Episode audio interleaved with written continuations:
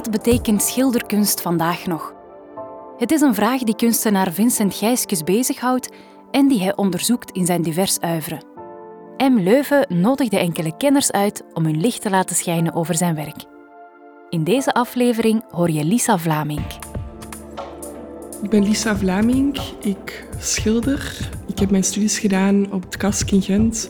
En het is ook daardoor dat ik Vincent ken, dat was mijn docent. Hij was wel een belangrijk iemand voor mij op dat moment. Want je bent dan heel jong, ze 18, je komt daar terecht en je wilt schilderen, maar je hebt eigenlijk niet echt een gegrond idee waarom dat je dat wilt doen of een globaal ontwikkelde visie daarop. En een van de eerste dingen die we moeten doen of die we daar leren is een stileven maken. Ik weet nog dat Vincent vertelde van ja, je moet eigenlijk een flesje cola je moet dat vergeten dat het een flesje cola is. Je moet kijken naar de samenstelling van lijnen en kleuren en dat bijna op een abstracte manier benaderen, waardoor dat je eigenlijk zo open mogelijk dat op je schilderij kunt zetten. En dan ontstaan er nieuwe wetten en regels. De fruitmand die voor je neus staat, die fruitmand is totaal niet belangrijk. Het gaat over de manier waarop dat je die fruitmand in dat beeld brengt. En die zoektocht en die strijd is enorm belangrijk door heel, heel lang te kijken, merkte ik dat ik de oorspronkelijkheid of de oorspronkelijke definitie van dat voorwerp eigenlijk probeerde te vergeten en iets nieuws te doen ontstaan in mijn beeld. En heel veel lagen kwamen daaraan te passen en korsten. En die korst werden ook onderdeel van dat beeld. En verf werd beeld en beeld werd verf. Dat gebeurt niet op een hele letterlijke manier. Het is niet dat hij zegt, je moet de waarneming loslaten. Dat is gewoon door zelf te schilderen en door bepaalde gesprekken of dingen die er gezegd worden. Maar hij heeft, er wel voor gezorgd dat dat klimaat er was en dat, dat wij tot dat inzicht zijn gekomen, of ik tot dat inzicht ben gekomen. En vanuit die waarnemingen, vanuit dat stileven, is mijn werk eigenlijk gegroeid. Schilderkunst is heel traditiegetrouw. Elk schilderij draagt bijna de geschiedenis van schilderkunst aan zich mee. En de benadering van het Vanitas-tafereel, van stilevens, die 16e-eeuwse schilders gebruikten, was een excuus of een manier om vergankelijkheid, de aanwezigheid van leven en dood in beeld te brengen. Tegelijkertijd was het ook een reden om um, hun technisch kunnen te tonen, de manier waarop een druppel op een appelsien of een rottende appel of zo getoond werd.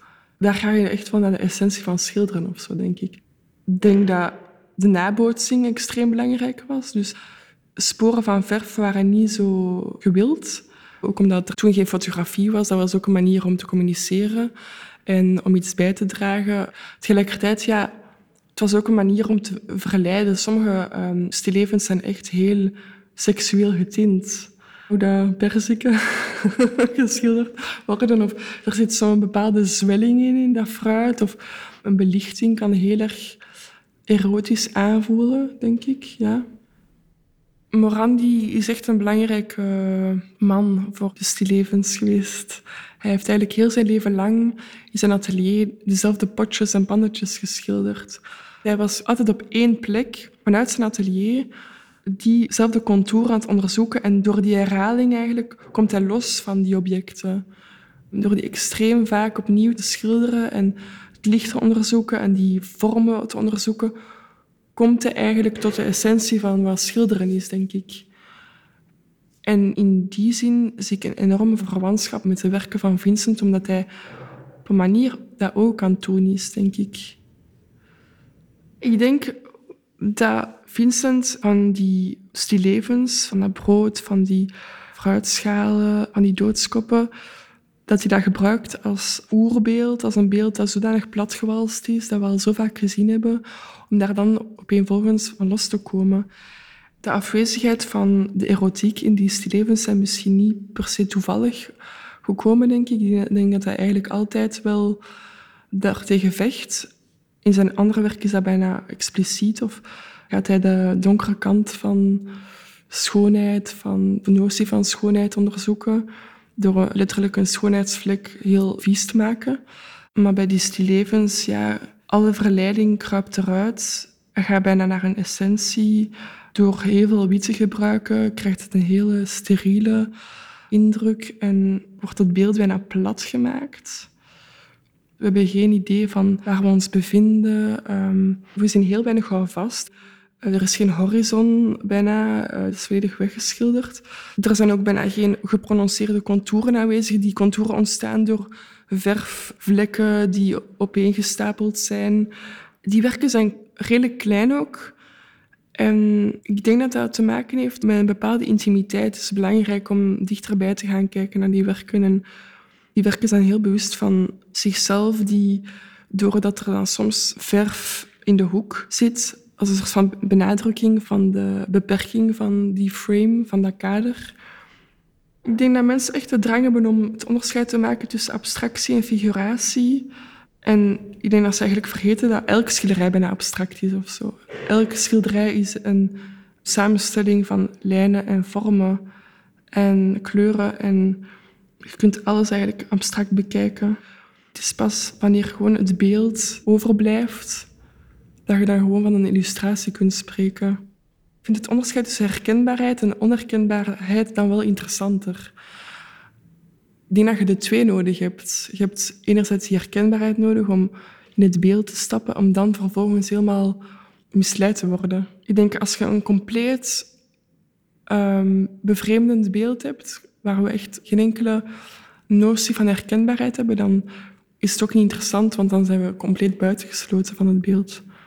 Een figuur of de aanwezigheid van een figuur geeft ons een bepaalde herkenbaarheid, ook een makkelijkheid, denk ik, om in een beeld te stappen. Maar dat kan ook afbreuk doen aan onze manier van kijken. Het is pas als we echt veel moeite moeten doen, als we alles zelf moeten verbinden, alle kleuren en vormen en verfklonters dat we zien, zelf moeten verbinden, dat het beeld pas ontstaat of Hij laat ons echt dwalen en wij moeten zelf de eindjes aan elkaar knopen en niet gelijk een boek dat je echt van links naar rechts leest, is een schilderij heel moeilijk te lezen. In die zin dat, we echt, omdat dat, dat we niet goed weten wat er eerst is en wat er laatst was. En ja, ik denk dat hij daar echt zich heel bewust van is.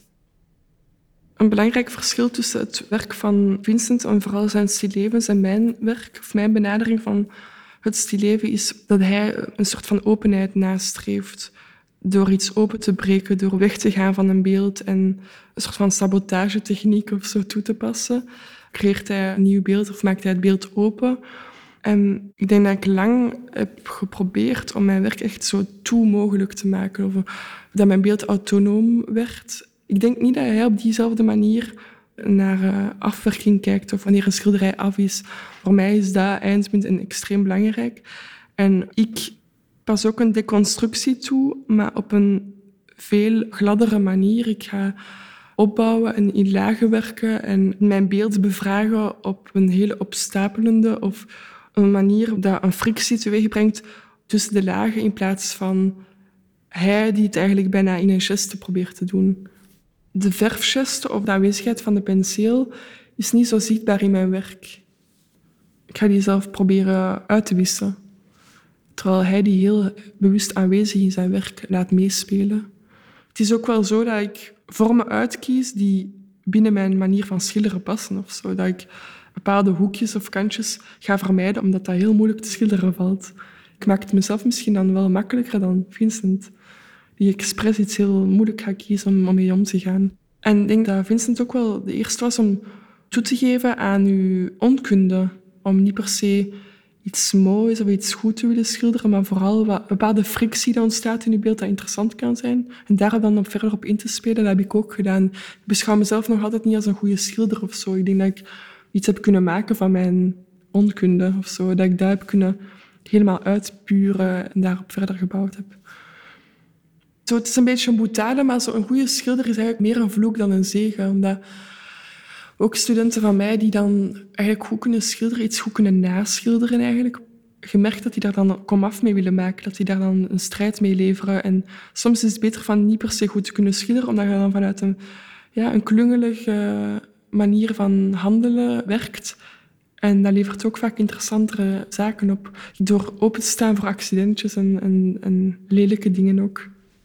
Het is vaak zo dat je je schilderen intelligenter is dan je hoofd. En je moet echt je compleet overgeven aan het maken, aan het schilderen. Dat is een belangrijke klik, denk ik. En pas achteraf kun je dan afstand nemen en kijken wat er gebeurd is. Het is niet dat je dan als een soort van idioot gewoon zo, maakt niet uit waar, gewoon schilderen en dan niet achterom kijken. Dat is ook niet het geval. Maar het is wel goed om stop, start, stop, start toe te passen, denk ik. Ik herinner mij ook een uitspraak van hem, dat we dan rond de tafel werden geroepen en dat hij dan ons confronteerde met de vraag waarom dat wij schilderen. Dat is ook natuurlijk achteraf bekeken, heel erg vanuit zijn eigen praktijk. Terwijl schilders van nu zitten daar niet zo meer mee in.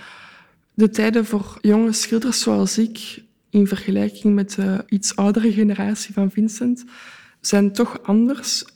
Dat werd mij dan ook echt verteld en er hard ingevreven dat schilders die opgroeien in de jaren 80 of die eigenlijk beginnen in de jaren 80, 90 zich heel erg moesten verantwoorden. Het werd doodverklaard. Het was niet meer relevant, want het digitale tijdperk kwam daar op de proppen en plotseling was daar extreme concurrentie en schilderkunst was gewoon heel ouderwets bevonden. En waardoor dat die schilders, denk ik, van toen heel erg ook over het schilderen zelf moesten nadenken. Dat werk ging bijna louter over het schilderen.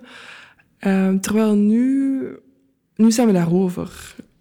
We krijgen die vragen nooit meer zelf, denk ik. Allee, ik toch niet. Natuurlijk, is mijn eigen persoonlijke ervaring. Doordat heel veel werken digitaal worden gedeeld, gaat er heel veel verloren. Hè? Gaat er heel veel materialiteit en zaken die heel eigen zijn aan, aan een schilderij zijn gewoon niet meer zichtbaar. En ik denk dat schilders daar wel op inspelen. Ik denk dat je ook wel een, een tendens van grafisch element krijgt in het werk. En ik denk dat ik dat bewust ook wel doe, dat mijn werk zowel heel pictoraal als grafisch kan benaderd worden. Dat is gewoon slim, want dat pakt dan wel goed op foto. Ik weet niet in hoeverre ik dat bewust doe, maar het speelt wel mee, denk ik. Hij vertelde dat schilderen altijd een plaats zal hebben in het kunstenlandschap, omdat dat als medium als enige die lichamelijkheid heeft. En dat we nooit kunnen opgaan in een soort van virtualiteit, omdat we altijd ons lichaam hebben. En ons lichaam roept ons een halt toe, omdat we dorst hebben en honger. En waardoor we altijd onze eigen beperkingen van ons lichaam hebben. En dat schilderen is eigenlijk een soort van verlengstuk van ons lichaam. En dat maakt dat voor altijd eh, relevant.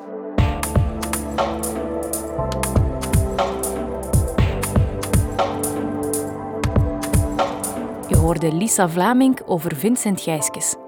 Deze podcast is een productie van M. Leuven en Huis van Eustachius.